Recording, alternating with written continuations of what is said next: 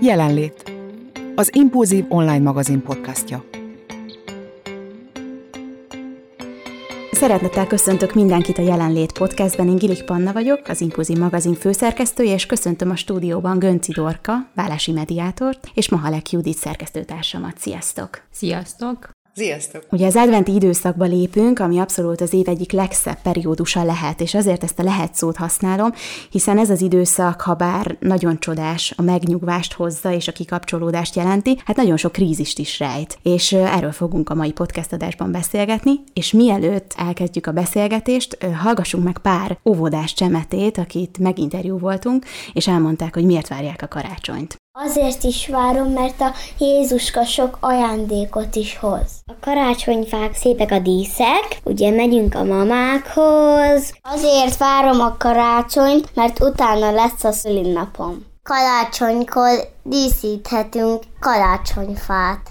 Anyának szoktam segíteni, faldíszíteni a karácsonyfát. Azért imádom a karácsonyt, mert anya meg apa nagyon sokat itthon van.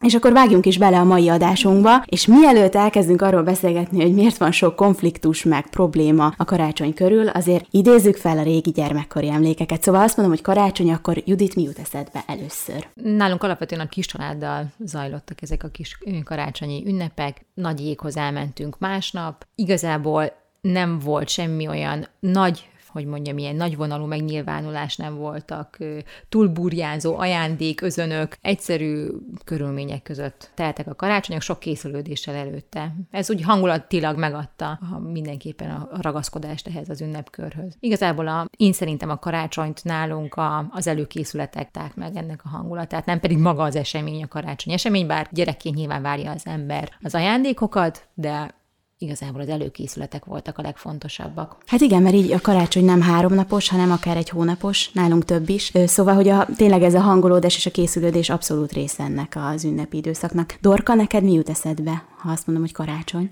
Nekem a nagyapám jut eszembe, aki egy hihetetlen mókamester volt, és a legjobb cinkosom talán életemben. És Emlékszem, hogy nagymamámmal, akit kevésbé szerettem, bevallom őszintén, nagymamámmal együtt ők földíszítették velünk együtt a 24-én a műanyag karácsonyfát, és akkor én körülbelül olyan 5-6 éves, inkább 3 és 5 éves lehettem, nagyapám 6 éves koromban meghalt, de egészen addig, amíg együtt élhettünk, és jelen volt velünk, minden karácsonykor a legjobban a Süsű a Sárkány című bábfilmet, vagy ra- magyar filmet vártam, mert hogy az annyira összekapcsolódott magával a karácsonyjal, és pontosan emlékszem, hogy mi vagyunk a zsoldosok típusú. Lehet, hogy nektek ez most nem sokat mond, de aki hallgatja esetleg talán az én korosztályom még igen. Ez a jelenet, ez annyira bennem van, hogy pontosan érzem az illatát, a zselés szaloncukornak, annak a mindenhol ugyanúgy kapható, és csak az kapható zselés szaloncukornak. Emlékszem a műanyag fenyőfának a, annak a spröd fogására. Volt rajta sok minden, de leginkább a nagyapámmal kapcsolódik össze. Az ő aurája és az ő jelenléte az, az nekem mindennél többet ért. Most így felnőtt fejjel azt mondom, hogy talán ez volt nekem a legnagyobb ajándék minden egyes karácsonykor, akkor meg nyilvánvalóan azt vártam, hogy mit kapok, de azért mégis csak olyan szép, hogy fogalmam sincs, hogy mit kaptam akkor, csak a nagyapám maradt meg, úgyhogy szerintem ez volt a leg, legfontosabb. Nekem az jut eszembe, hogy ugye ez a karácsony valójában ugye a csodavárásról szól, és nekünk a szüleink szerintem nagyon jól oldották meg. Nagyon sokáig fel sem tűnt, hogy milyen kis rafináltak, mert hogy este mindig elvittek a mamához, és akkor ott ugye már készen volt a fa, meghozták az angyalok a, a fát, és akkor ott úgy el voltunk a nagyszüleinkkel, és apa eltűnt, de ez sosem tűnt föl, hogy egyébként apa közben elmegy, és mindig az volt, hogy amikor meg már hazaértünk, és és hazavitt minket, akkor kész volt a fa. És az a csoda, hogy te jó ég, te itt tényleg csoda történt, mert hogy hát anya egyedül nem tudta volna ezt megcsinálni, tehát az tényleg nem tűnt fel, hogy apa közben azért hazament, és, és nekem a karácsonyról mindig ez jut eszembe, úgyhogy én igazából most már szoktam anyukámnak segíteni, meg a Patrik is a karácsonyfát feldíszíteni, de, de az utolsó pár mozzanat az nekem mindig kimarad, és azt szeretem, amikor reggel felébredek, és láthatom a fát, ahogy kész van. Nekem, nekem ez kell a karácsonyhoz. Úgyhogy még felnőttként is szerintem a, a csodát látjuk a karácsonyban. Mégis, amikor felvetettem ezt a témát, a Dorka azt mondta, hogy nagyon jó, mert hogy nagyon sok konfliktust is rejt ez az ünnep. Az első szerintem az a stressz, ami ezzel jár. Anyaként, főként. Ez egy kardinális része. Hát igen, most már a másik oldalt vagyok. most már nem engem készítenek a karácsonyi ünnepkörre, hanem én készítem a saját gyerekeimet. Igen. Sokkal több tervezést és előre gondolkodást igényel önmagában ez az ünnepkör, nem maradjon semmi az utolsó pillanatban. Amit mostanában igazából észrevettem a, a, a szüleimen is, és úgy a baráti meg családi körben, elkezd az egész arról szólni, hogy mit együnk, és rengeteg idő elmegy a főzéssel, mosogatással, sütikészítéssel, mindenféle, nyolcféle süti van az asztalon, már az ötödik sültestálat kezdjük meg. Gyakorlatilag minden, minden már csak arról szól, hogy ugyan együtt vagyunk, de hogy mégis az az együttlét, az kitölti az evés maga, és az napokig tart. Nem tudom, hogy ez azért van-e, mert felnőttem, és ez valójában a szüleimnek az idejébe is így volt, és csak most érzem ezt a belecsöppenést ezeknek a átterébe, vagy igazából tényleg ebből vissza kellene venni. Gyakorlatilag külsőségeket próbálunk meg a belsőségek helyettesítésére alkalmazni, ami nem fog menni. Mert ez azt is jelenti, hogy aki főz most, takarít, vagy éppen rendezkedik a családi élet körül, az nem fog tudni foglalkozni senki mással. Tehát akkor annak munkája van, feladata van. Ezt nem mondom, hogy ezt nem kell elvégezni, de ennek a töredéke is elég ugyanolyan meghitt és bensőséges légtér teremtésére. Csak hogy ugye azt várjuk talán, hogy tökéletes legyen. Pont az egyik ismerősem mondta, hogy azt szeretném, hogy ez a karácsony tökéletes legyen, majd megszólalt egy másik, ezt ne is várd, mert tuti nem lesz az. Hát lehet, hogy ezt el is kellene akkor engednünk? Igazából a tökéletes karácsony szerintem nagyon sokan külsőségekre gondolják. Tehát minden fel legyen díszítve a ház körül, minden a házban ki legyen téve, mindenhol angyalkalógjon, mindenhol csilivili kivilágítás legyen. Ugyanakkor a, a befele a, a gyerekekkel való játék, foglalkozás, meseolvasás, elmélyült gondolkodás az ünnepkör lényegéről elsiklik és ugye elmaradozik. Az jutott eszembe, Judit, hogy azt mondod, hogy ugye ez egy ilyen észesen veszed rítussá alakult, hogy az egész asztal telepakolod mindenféle finomsággal, de hát nem csak telepakolod, hanem telefőzöd, telesütöd, ami miatt ugye elveszed magadtól, vagy a gyerekektől az időt. Ugye ilyenkor mindig az jut az embernek az eszébe, hogy hol van az a kevesebb több. Tehát hol van az, amikor lesütsz egy négy és fél tonna mézes kalácsot, mondjuk november 7-én, vagy 11-én, tök mindegy, és utána utána azt szépen elrakott kis dobozokba. Nyilván a gyerekek azt fogják látni, hogy anyát már elvesztettük, mert ezt a négy és fél tonnát ezt meg kell sütni. Lesütöd azt a négy és fél tonnát, és minden egyes, mondjuk minden harmadik nap a gyerekeknek feladatot adsz, hogy itt van egy doboz mézes kalács, ez most csak fél kiló, kaptok kettő doboz vagy kettő pohár felvert tojásfehérjét, és lehet díszíteni. Miközben te egészen biztos, hogy nem kell, hogy főz, mert a gyerekeket elfoglalod, tehát kicsit átfordítod az, a szerepeket, mert te lefő, lesütöd előre, viszont meghatározott napokon, kicsit mint az adventi naptár, feladatot adsz nekik, amitől ők fontosnak érezhetik magukat, hiszen kislányom, ha ezen a karácsonyfán nem úgy lesz a tojásfehérje, akkor a, annak meg lesz a következménye, nyilván poénosan mondom most, de hogy, hogy a koncentráltságot érdemes kicsit fölhigítani. Tehát előre gondolkozni sokkal jobb lehet, és itt jön a kevesebb több, hogyha te úgy tervezed, és most nem tanácsot adok félre, ne csak a példába kapaszkodom bele, hogy mire odaérsz karácsonykor, vagy odaérünk karácsonykor arra a bizonyos három-öt ominózus napra, amikor már minden hócipőnk tele, és már a papucsunkba is beletoltunk mindent, mert már annyira idegesek vagyunk, hogy ja, itt a karácsony, hogy ezzel a fajta megspórolással, időspórolással, amit előzetesen fektetsz be, valójában időt nyersz, és pont azon gondolkoztam, hogy ez a kevesebb kevesebb több, ez hol, hol tud megvalósulni, illetve amikor nem tud megvalósulni, akkor, amikor Panna kérdezett, hogy és akkor ezek a karácsonyi készülődések hol robbannak, akkor pont ebből a tudatos tervezés hiányából fakadóan robbannak ki valójában. Nem olyan rég, talán egy hónappal ezelőtt volt egy olyan beszélgetésünk egy nagyon helyes fiatal párral, akikkel éppen most munkában vagyunk, most már harmadik hónapja, és csak online, akik elmesélték, hogy az ő fejükben a, az egész ünnep kérdéskör az, amióta a gyerekei gyerekeik megszülettek, borzasztóan megváltozott. És ők azt hitték, hogy ez nagyon-nagyon jó irányba fog gyerekszületés után megváltozni. És mi történt? Valójában egy borzasztó erőltetett megfeszülés és megfelelési vágyás körforgásba kerültek bele, amitől a gyerekek elkezdtek tulajdonképpen irányítani, megérezték a szüleiknek ezt a fajta, hát nevezük úgy gyengeségét, és olyan elvárások elé rúgdosták a szüleiket, hogy azok mindenhova kívánták a gyerekeiket csak a karácsonyfa mellé, nem? És így a kevesebb többet sikerült átfordítani olyan ö, ö, módon valóban többé, tehát a többet kevesebbé, és egyben mégis többé, hogy kiadtak a gyerekeknek feladatot a javaslatunkra. Egy kis órarendet csináltak közösen valamelyik reggel együtt, négyesben, ahol a gyerekeknek meg lett előre már most, talán azt hiszem október végén meg lett a decemberi menetrend, ugye 19-én befejezik, befejeződik az iskola, egyébként mintha már befejeződött volna, mondhatjuk így az online, online életben, és onnantól kezdve egészen január 4-ig beosztották magukat négyüket arra a két és fél-három hétre, hogy kinek mi a fő dolga, ki aznap a napos. És ettől a gyerekek így kaptak egy ilyen gellert, hogy ők ezt nem is tudták, hogy lehet ilyet. Hogy tulajdonképpen csapatban kezdtek el gondolkodni, és pár nappal ezelőtt írt az anyuka egy levelet, hogy, hogy megtörtént az, amit én mondtam a beszélgetéseink elején, hogy nem a gyerekek az urak a házban, hanem ők lettek, a szülők lettek, és így visszaállt a rendes szülő-gyerek kommunikáció. Most gyakorlatilag majdnem egy hónappal a karácsony előtt már így mutatták nekünk, hogy nézzétek meg, ezen a napon ezt fogja csinálni, a egyik kisfiam azon a napon azt fogja csinálni, és itt elindult egy építkezés, és messze kevesebb stressz van a pár között is, sőt, mi több az édesanyja most kezdett el a saját vállalkozással foglalkozni, amikor azt hinnénk, hogy na mindenre van idő, csak erre nem. Judit, nálatok mennyire tudjátok megosztani a feladatokat? Hát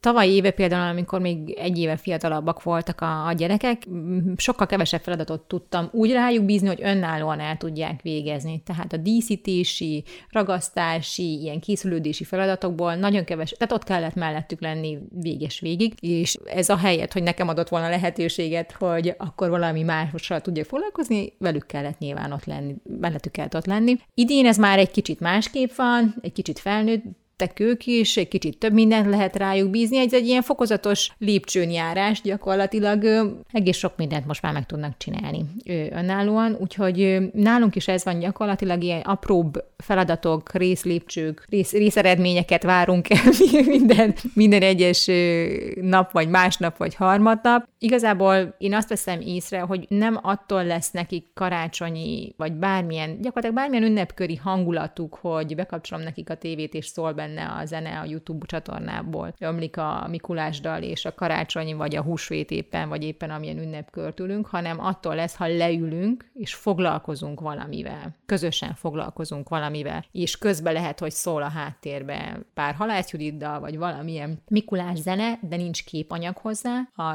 ő teljes tekintetük és mindenféle érzékszervük arra fókuszál, amit csinálnak, magukba dudorásznak, egy ilyen kellemes, áthatott légkör keletkezik ezzel, de ezt nem lehet minden nap megteremteni. Tehát ezért nincsenek illúzióim arra vonatkozóan, hogy mindig bevonható ilyesféle játékba, de úgy érzem, hogy kondicionálni kell őket, és tehát minden egyes ünnepkörrel próbálkozunk teljesebbé varázsolni szerintem. Ez, ez ilyen próbálkozás. És te ilyen tudatosan tervezős típus vagy? Nem, nem, tehát azért én hosszú távon nem tudok nagyon előre tervezni, már csak a munkarendemből fakadóan sem, de ilyen kéthetes távlatokban azért kigondolom, hogy miket kellene még sürgősen megoldani. Nem mondom, hogy a tűzoltó típus vagyok, de egyébként gyakran előfordul az is, hogy az aktuális problémákra fókuszálunk csak, de próbálok tervezni. Tehát nem, nem mondom, hogy lehetetlen, csak egyszerűen a teljesen hosszú távú próbálkozás az nálunk nem működik. Dorka, milyen konfliktus van még ebbe, ebben az időszakban? Azt olvastam, hogy az egyik ilyen kritikus pont az az, hogy most az én szüleimnél fogunk karácsonyizni, vagy a tiédnél, vagy esetleg együtt leszünk, és mi megteremtjük a saját kis ünnepünket. Azt hiszem, hogy a karácsony fára ezt a kis táblácskát nyugodtan ki lehet tűzni mindenkinek magának, a saját karácsonyfájára, hogy biztos, hogy az anyósom mellé fogok ülni az asztalnál. Egész évben minden hétvégén látom, és most ott fog mellettem duruzsolni, és majd mondja, hogy kis drága vejem, föl kéne ásni a kertet, most így december 24-én, és hogy mennyi elmaradásom van,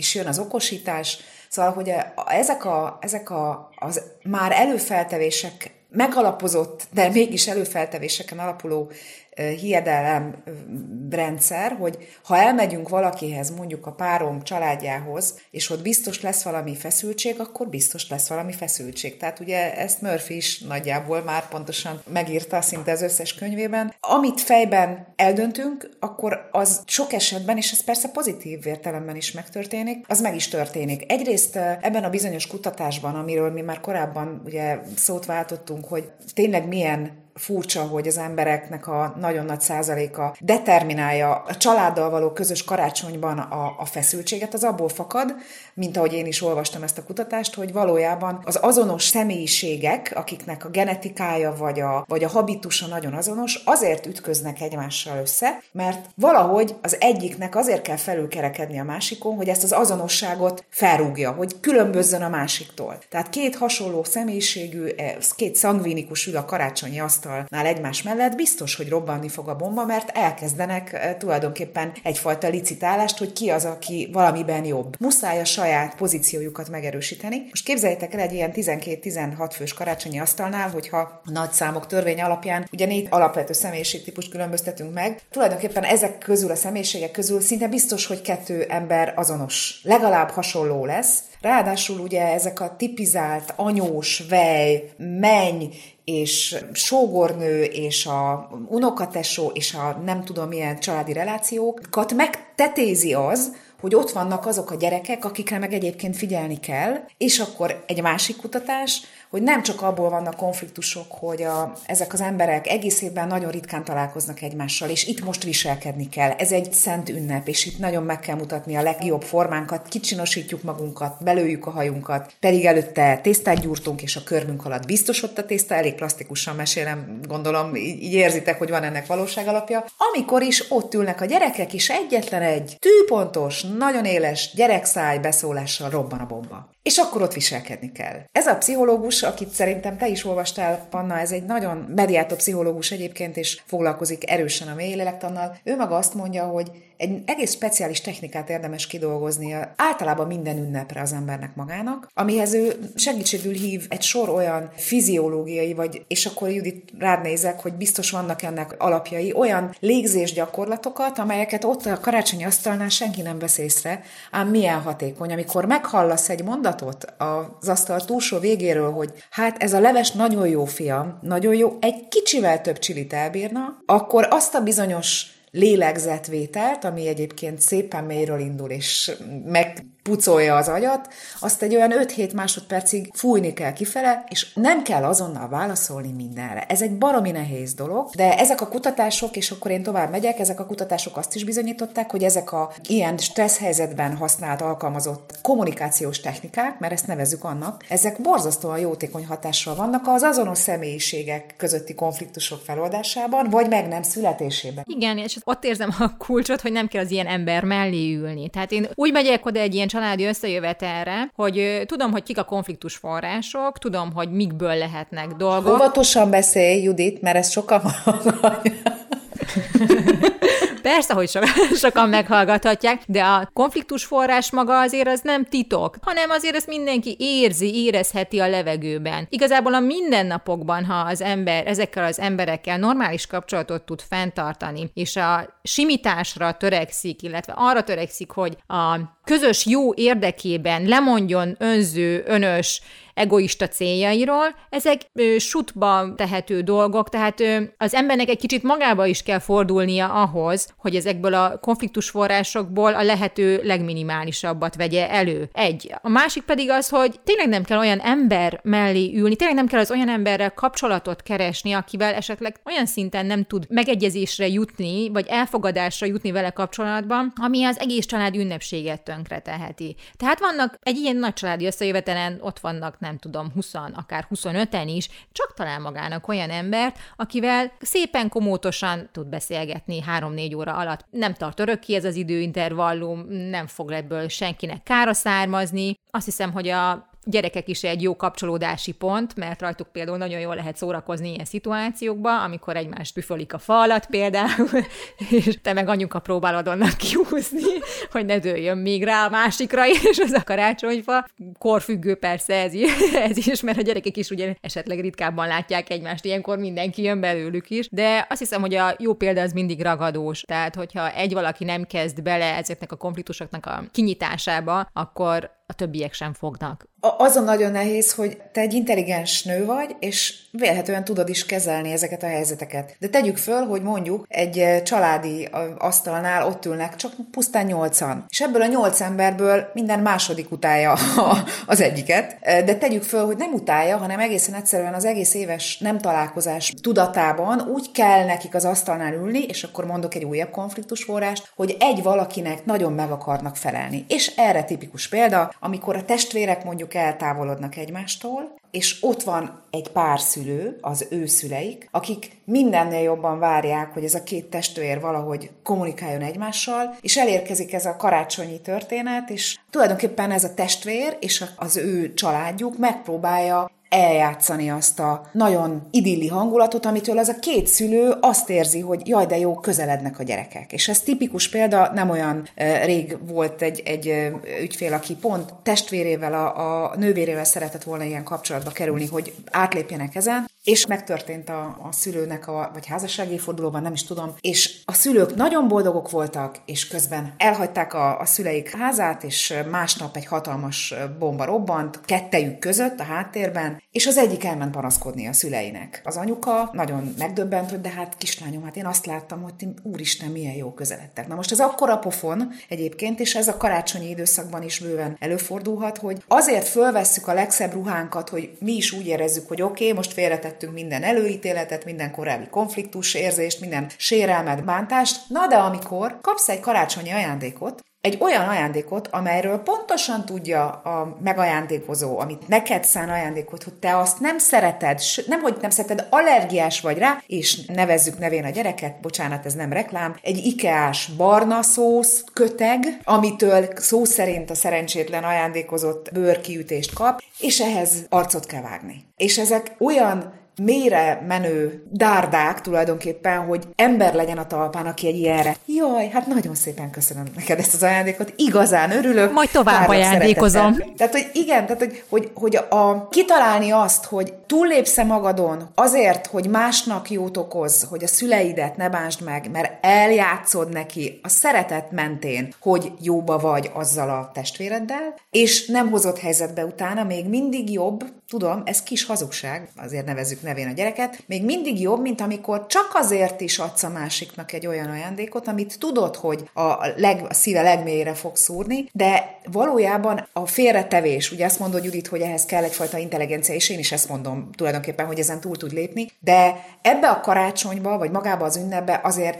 nem csak a nagy szeretetet hozzuk bele, hanem azt is, hogy tudtára adjuk sorok között a másiknak, hogy, hogy nem szeretlek. És az emberek remekül játszmáznak, iszonyatosan élvezik a másik porbatipását. Egy ilyen 6-7 órás karácsonyi közös főzőcskézésnél óhatatlan, hogy lesz konfliktus. Tehát ugye egészen egyszerűen szerintem 10-ből 15 esetben ez előfordul, de hogy igazából csak ezt akartam mondani, hogy azon kívül, hogy üljünk, hogy el kell játszani valami ópofát, mert hogy ünnep van, hogy egyébként a gyereked nem mondjon olyat, mert mondjuk kicsi és a gyerek szája miatt őszinte, és olyan ajándékot vigyél a másiknak, ami tényleg személyre szól, még akkor is, ha nem szeret szereted, ugye úgy adunk ajándékot, mint hogyha magunknak vennénk, ha több-kevesebb sikerrel. Ez egy időzített bomba. Meg azt, hogy egy két testvér kapcsolata mennyire romlott meg, illetve mennyire romlik meg az évek során az eltávolodással, mennyire nem tudnak már közös témát találni, az igazából odafigyelés kérdése. Nem a karácsony ünnepén múlik, hanem az egész éves, egész elmúlt tíz éves teljesítményén. Tehát, hogyha egy kapcsolat nem működik évek óta, nem várhatjuk el, hogy karácsonykor minden teljesen rendben lesz, még akkor is, hogyha színjátéként ez, ezt azt hiszem, hogy azért minden anya látja, hogyha a gyerekei úgy viszonyulnak egymásra, tehát ismeri a gyerekeit. Egy anya ismeri a gyerekeit, látja a mimikájukból, az arcmozgásukból, hogy befeszülve beszélnek egymással, minden mondat kiejtése komoly gombócérzést kelt a torkukba, vagy pedig lazán, önfeledten, mint egy igazi jókedvű családi beszélgetésben, ahol nem veszik fel az emberek a lapokat. Az egymást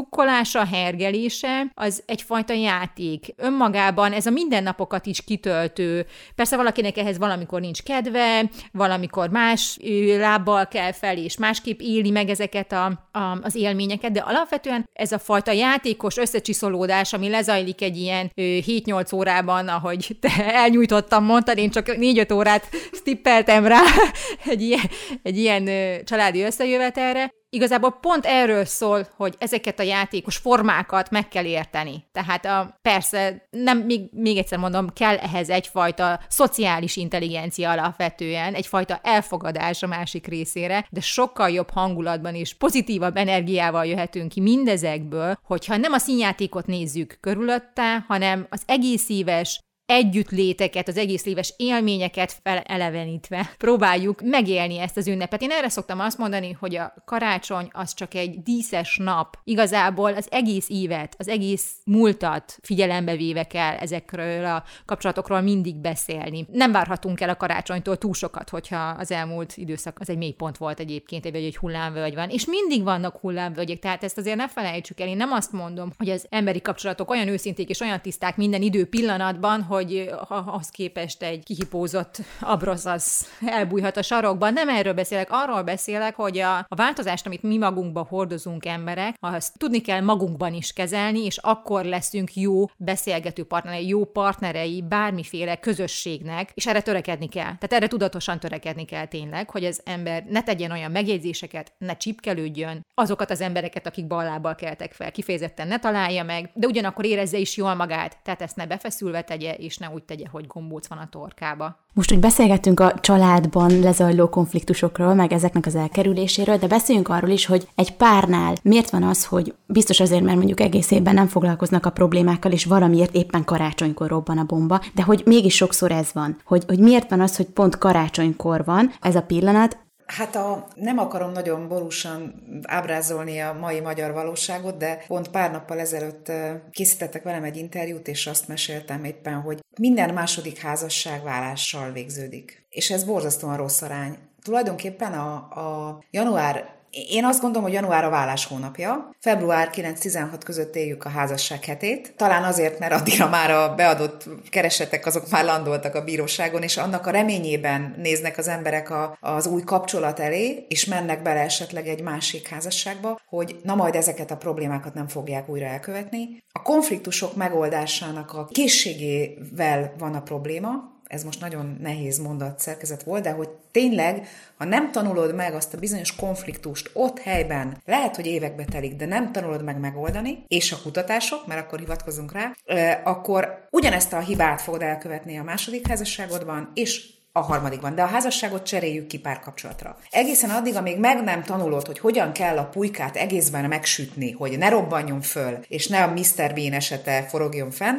ahhoz tapasztalás kell, és amikor már tudod, hogy hol vannak a legporhanyósabb részei, amit úgy kell megsütni ennek a pulykának, hogy az zenéjen, amikor kirakod az asztalra, akkor vélhetően már a következő pulykát is elkezdett tervezni következő karácsonyra. A január első időszaka, vagy a januári időszak az, az egy levezetése, az a gondolatoknak a megerősödése, hogy az együtt töltött feszültséggel teli időszakban a döntéshez egyre jobban közelebb kerülünk. És akkor mondanék itt egy példát, hogy hogy miért hozzák meg a párok a döntést, hogy januárban elválnak. Egyrészt a karácsony, szilveszternek van egy ilyen ikonikus, jelképes jelentés tapadásra, hogy mindent, ahogy Judit, te is mondtad, le kell rakni az előző évben, új lap, taburaráza, ilyen lesz az évem, fölfele szárnyaló, rólam fog szólni, ezt számtalanszor halljuk, ez az év csak rólam fog szólni, elengedem azokat az embereket, akikre nincs szükségem, én már meghozom a döntést, hogy tudjak nemet mondani, csak rólam, csak én, csak, és jönnek a spirituális mellékzöngék természetesen, és ennek az időszaknak a megkoronázása az a döntés, hogy megszabadulnak a másiktól. Ezt nem tudom szebben mondani. Ebben nagy indikátor, ha van valaki harmadik a kapcsolatban. Ugye megélni azt, hogy igazából te nem azzal vagy együtt, és bocsánat, hogy ezt a nagyon szélsőséges példát hozom, lehet, hogy nem szélsőséges, és esetleg a hallgatók hallottak már ilyenről, hogy valakinek van valaki szeretője a háttérben, vagy, vagy láttak ilyen filmet, és most kacsintok nektek. Mármint úgy értem, hogy biztos, hogy van ilyen ember, aki, aki ilyen, ilyen helyzetben benne volt. Azt éli meg, hogy nem azzal van együtt karácsonykor, szilveszterkor, és zár, zárja le az évet, amit mondjuk el akar felejteni, akit egyébként nagyon szeret. És a harmadik fél az egy borzasztó erős indikátor ahhoz, hogy ezt a döntést január 1 meghozom, elválok, nem érdekel semmi, csak rólam fog szólni, és új életet nyitok, az annyira oda rúgdossa a, a vállási döntés kapujába az embereket, hogy hm, na de mi van azzal, akinek nincs ilyenje? Akinek nincs szeretője, nincs eldugott harmadik, nincs titkolt. Valaki, aki kicsit ezt az inspirációt megadja, ott nagyon erős dilemmák mentén a félelem az, ami a jövőkép beláthatatlansága, vagy felfoghatatlansága, hogy mi lesz velem, inkább beleugrik egy ilyen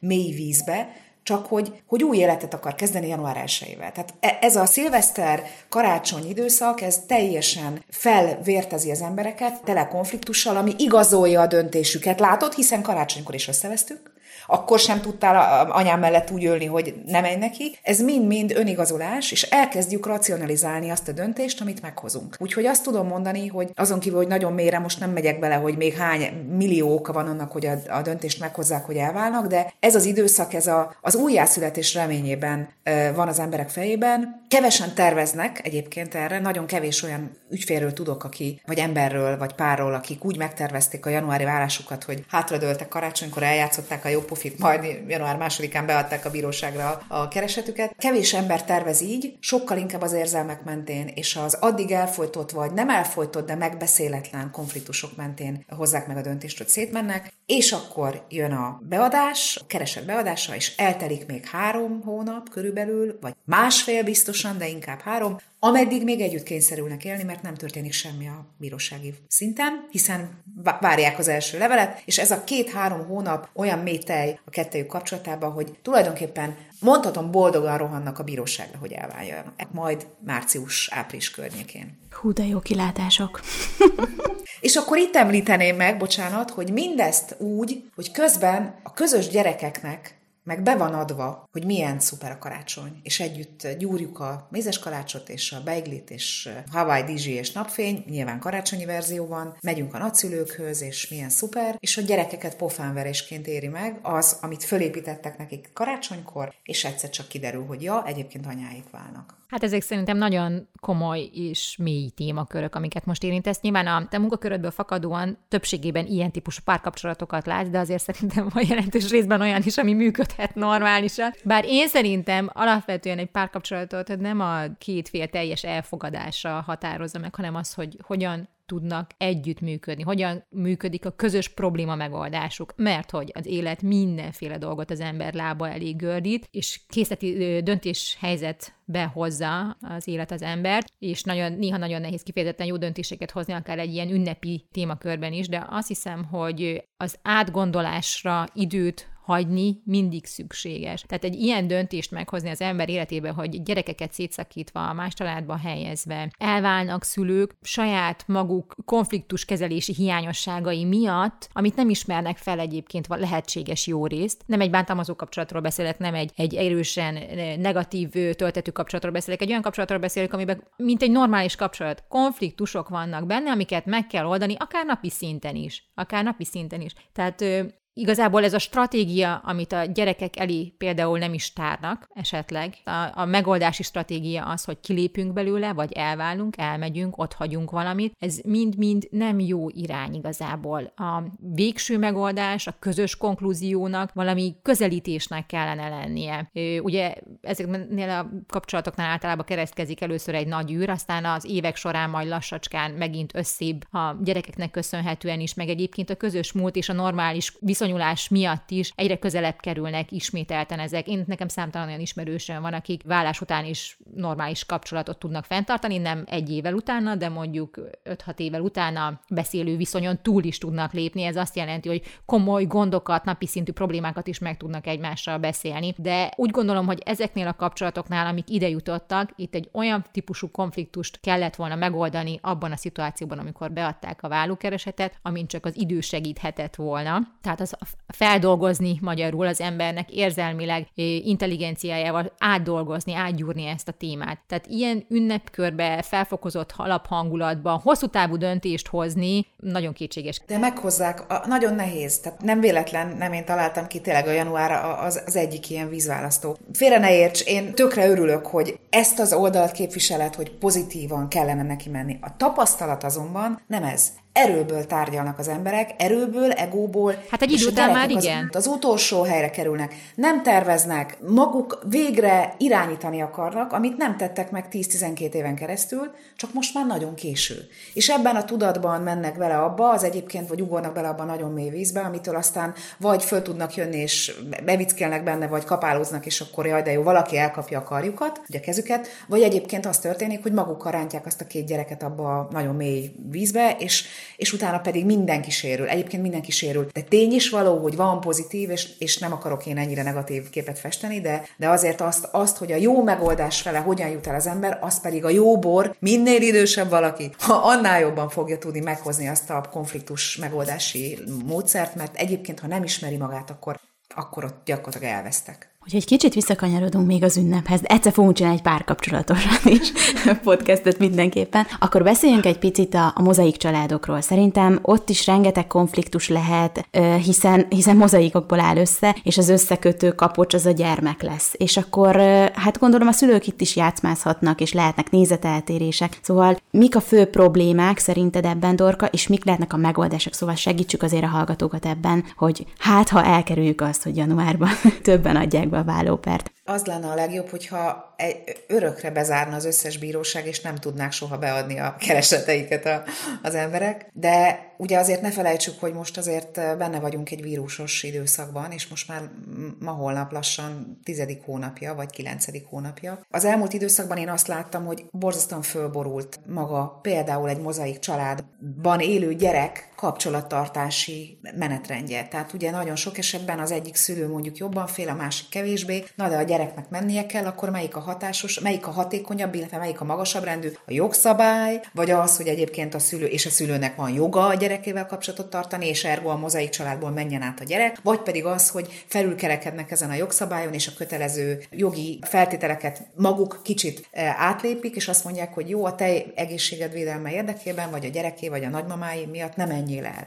Na de karácsonyi időszakban vagyunk, és most ugye megint benne a korlátozások ide, idejében, ami azt jelenti, hogy most megint felül kellene kerekednie a szülőknek azon, hogy ezt a fajta kihez megy a gyerek karácsonykor kérdést megoldják. Erre a legpraktikusabb megoldás eddig mindig az volt, tulajdonképpen COVID időszaktól függetlenül, hogy érdemes előre, jó előre meghozni azt a menetrendet, azt a szabályrendszert, amitől a gyerek egyik évben biztonsággal itt van a karácsony első két napjában, a másik évben pedig biztonsággal a, másik szülőnél tartja a karácsony első két napját. Hogy ez a fajta balansz, igazából ez a fajta váltás, páros, páratlan év, ez nagyon sok párnak segít, mozaik családnak segít, hogy az a gyerek, aki egyébként ott tervezi a szentestét, az pontosan tudja, hogy oké, okay, most itt lesz. Ez nyilván a gyerek részéről is igényel egyfajta együttműködést, meg nyilván gyerekkortól is függ. Tehát egy két éves gyereknek nem tudod elmondani, hogy most páros hét van, és apához kéne menni, vagy páratlan és, és anyához. De azért, ha ezt együttműköd működve csinálja meg a mozaik család két eredendő része, akkor ez a gyerek megtanul periódikusan gondolkodni, és ez a feszültséget tulajdonképpen már előre kioltja. Nyilván, hogyha most a Covid időszakban ról beszélünk, az megint egy más helyzet abból a szempontból, hogy a gyereknek is lehet hiányérzete a szülő felé, és akkor itt jön az a következő konfliktus, hogy engedjük-e, átengedjük-e a másik félhez a gyereket, vagy ne engedjük el. Könnyebbség lehet a párnak, hogyha már próbálnak kicsit így gondolkodni, hogy ez egy rendkívüli év, és éppen a rendkívülisége miatt érdemes tényleg valahogy a gyerek igényeihez igazítani ezt a kihez megy a gyerek karácsony szenteste kérdést, de úgy, hogy a másik is kapjon. Aki elengedi a gyereket, pedig nála lenne, az érezze azt, hogy majd valami kvázi kárpótlást kap azért, hogy, hogy ő elengedte a saját közös karácsonyi vacsorájából ezt a gyereket. Én csak azt tudom javasolni minden párnak, akik mozaik családban élnek, hogy ahogy te is fogalmaztad, Judit, hogy tényleg valahogy lépjünk túl kicsit a saját magunk egóján, kicsit helyezzük azt a gyereket előtérbe, figyelembe véve azt, hogy a másik szülő mennyire félett ebben a helyzetben attól, hogy mondjuk a gyerek átvékávézik hozzá, és az alatt bármit átvisz. Vagy esetleg nem az alatt, bármi vírust, hanem mondjuk találkozott még korábban az osztálytársaival, és ő maga nem fertőz, de esetleg benne van a pakliban, hogy átvisz valamit anyának vagy apának. Most van szükség igazán párbeszédre, most van szükség arra, hogy ha eddig nem is ment, ez egy annyira rendkívüli helyzet, hogy most rendkívüli módon kell kommunikálni a másik féllel. Beszélgessünk még arról egy picit, hogy mennyire lehet konfliktus forrás az, hogy mondjuk milyen hagyományokat követünk az ünnepkor. Ez például érdekes lehet nálatok. Hát nálunk a legegyszerűbb, a világ legegyszerűbb dolga az, hogy gyakorlatilag az van, amit én mondom. Ja. én mondok karácsonykor. A férjem ugye ő más országból származik, más vallási közösségből, úgyhogy náluk abszolút kiesett ez a kultúrkör, gyakorlatilag a, ugyanazokat megtartjuk az ünnepeiket is egyébben, meg megtartjuk a miénket is egyébben. Gyerekek mindkettőből kapnak valami információt, úgyhogy nagyon sok mindent nem tud ő hozzátenni. Az itt eltöltött évei alatt sem szedett magára ebből gyakorlatilag ebből a karácsonyi, a Christmas idejéből, ahogy szokta hívni, semmiféle különös hagyományt, amit én hoztam családból, amit én teszek a gyerekek elé, ami, ami belőlünk, vagy belőlem jön, az az van gyakorlatilag nálunk karácsonykor. Persze, amikor elmegyünk a mamáikhoz, akkor már ott keverednek a dolgok, mert ott már a, egy kicsit más, egy kicsit ott vannak a tesómik is, kicsit ők is hozzátesznek, de igazából mindig, illetve hát az eddigi közös életünk során azt azért le tudtuk fektetni például nagyon szoros alapként, hogy ne szóljon az anyagiakról. Maga a karácsonyi ünnepkör, a, sokszor voltunk ugye kapcsolatunk elején is úgy együtt az édesanyámékkal, hogy nem, volt, nem voltak még gyerekek, de akkor is meg tudtuk beszélni a szülőkkel, a nagyszülő, mostani nagyszülőkkel, hogy nem veszünk ajándékot, valami apróság maximum, Mielőtt befejeznénk ezt a beszélgetést, azért beszéljünk arról, hogy az elején hallottuk a kis csemetéket, akik elmondták, hogy mennyire várják, hogy a csoda megtörténjen, és békés, nyugodt legyen a karácsony. Hogy lehet ez a karácsony olyan, amilyet nem is ha megálmodunk, hanem, hanem olyan kis nyugodt, olyan letisztult. Dorka, milyen tippeket adsz nekünk így decemberre? Egyrészt kicsit hagy beszéljek magánemberként, mert hogy van egy csomó olyan trükk, ami nálunk bevált, és mondhatnám ezt mediátorként is, de tényleg a, a, ami, amivel azonosulni tudok, az, az ami, ami a legjobban bejött, és talán pont azért, mert tudtunk vele, nem csak én, hanem más is tudott vele azonosulni. Az egy nagyon fontos mondat, amit Judit mondott, hogy az anyagiakat az valahogy hatályon kívül kell helyezni. Nyilvánvalóan valamennyire nem tudod. Tehát, hogy még ha egy apróságon is gondolkozol, hogy akkor valami kis jelképes jelképeset adj egy hat éves gyereknek, a jelképes szó számára mondjuk nálunk éppen nem ez van szerencsére, mert már nagy a, a, a fiam, a kisfiam már nagyfiam, de mondjuk ott a jelképesség az egy nagyon vékony jég, amitől az ember mindig elbizonytalanodik, hogy ez van-e annyira jelképes, hogy a gyerek érti, hogy nem kerül sokba, és most különösen Covid idején, ahol rengeteg ember elvesztette a munkáját, és egészen másba kellett fognia, hogy fenntartsa a, a, a minimál létel magát, és a gyerekeit, az, az egy olyan nagyon nehéz kérdés, hogy, hogy lesz-e elég jelképes a jelképességhez, és lesz-e elég nem jelképes egy hat éves gyereknek, aki nem csalódottan fogja kibontani azt a kis ajándékot. Nálunk, a, ami így az évek alatt nagyon bejött, az az, hogy én borzasztóan elnyújtom a pici jelképes ajándékoknak a, az átadását, és nem is átadás lesz ebből, hanem megkeresés. Tehát az én kisfiam már pici kora óta sok pici dolgot kap, és ezt napokon keresztül. Szinte van, hogy szilveszterig ő keres, keresi és minden évben rácsodálkozik, hogy még mindig van valami apróság. E, ezeket egyrészt azt, hogy elnyújtom, az nekem szórakozás, és úgy látszik, hogy ő is szereti. Ráadásul a sok pici az egyszer csak összekezd állni egy nagyjá, úgyhogy elég egy nagyobbban gondolkodni. Mondok itt például olyat, hogy, hogy voltak olyan figurák, Lego-szerű figurák, de nem Lego-szerű figurák, nem Lego volt, hanem valami hasonló, amit én megvettem egy nagy dobozban, és nem a nagy dobozt adtam át, hanem én kinyitottam a csomagot, becsomagoltam egyébként újság papírba, tehát hogy nem vettem csomagolót. Ha már pontosan tudom, hogy tökéletesen jó, lehet, hogy kinevettek, de én ilyen reklámújságokba csomagoltam be, csak nagyon egyedien, amivel én elmolyoltam minden este két-három órát, így lefekvése után, e, és akkor ilyen legyezőket formáltam az újságpapírból. Neki valójában baromira mindegy, hogy egy Mikulás, szánhúzó, e, rénszarvasos, Mikulásos csomagoló papír tép cafatokra, vagy pedig egy reklámpapír. Úgyhogy ez például, a, hát nem tudom, hogy a fenntarthatóság mentén, de mindenképpen meg évek óta a karácsonyi csomagoló alól, és neki is mondom, hogy amikor osztálytársaknak kell bármilyet vinni, mert születésnap, névnap vagy valami buli van, akkor használjuk azt, ami otthon van, úgyhogy nálunk a sima barna mezei csomagoló papír is tökéletesen jó, amit egyébként földíszít, vagy ő rajzol rá valami figurát. Tehát elnyújtotta magát az, az ajándékozás aktusát nagyon hosszúra. Ettől ő mindig azt élte meg, hogy már kicsi ilyen adventszerű kis ajándékok lettek, de nyilván csak 24-től kezdődően, és az olyan 8-10 napig kitartott, és neki ezt meg kellett keresni. Tehát volt a karácsonyfa alatt, ami most már ma már, és már, már évek óta műanyag karácsonyfa, és mindig ugyanaz én nem díszítem. Biztos, biztos én vagyok a rossz, de gyakorlatilag a párom kérdezi, hogy figyelj, Dorka, nem celofánozhatnánk be, vagy folpakozhatnánk be a karácsonyfát most így hatodikán, hogy jövő évben csak levágjuk róla, és mondtam, hogy de. Tehát az úgy áll lent a pincében, hogy csak leveszük a fóliát és kirakjuk, mert nem, ez is egyfajta külsőség, de megadja az atmoszférát. Tehát ez nálunk az ilyen költséghatékony, de mindig, mindig ott van valahogy a, a képben, és kevésbé lett értéktelen, mint hogyha igazi fát vagy új díszeket tettem volna rá. A, a másik pedig, vagy a harmadik, ha ez így követhető, hogy hány ilyen érdekesség van, amiatt, hogy érték legyen a karácsony, az az, hogy ugyanezt történik a mézes kaláccsal. Nem véletlen mondtam a példát, én nagyon előre leszoktam sütni ezt, mind, sok mindent szeretek, ezt nagyon szeretem.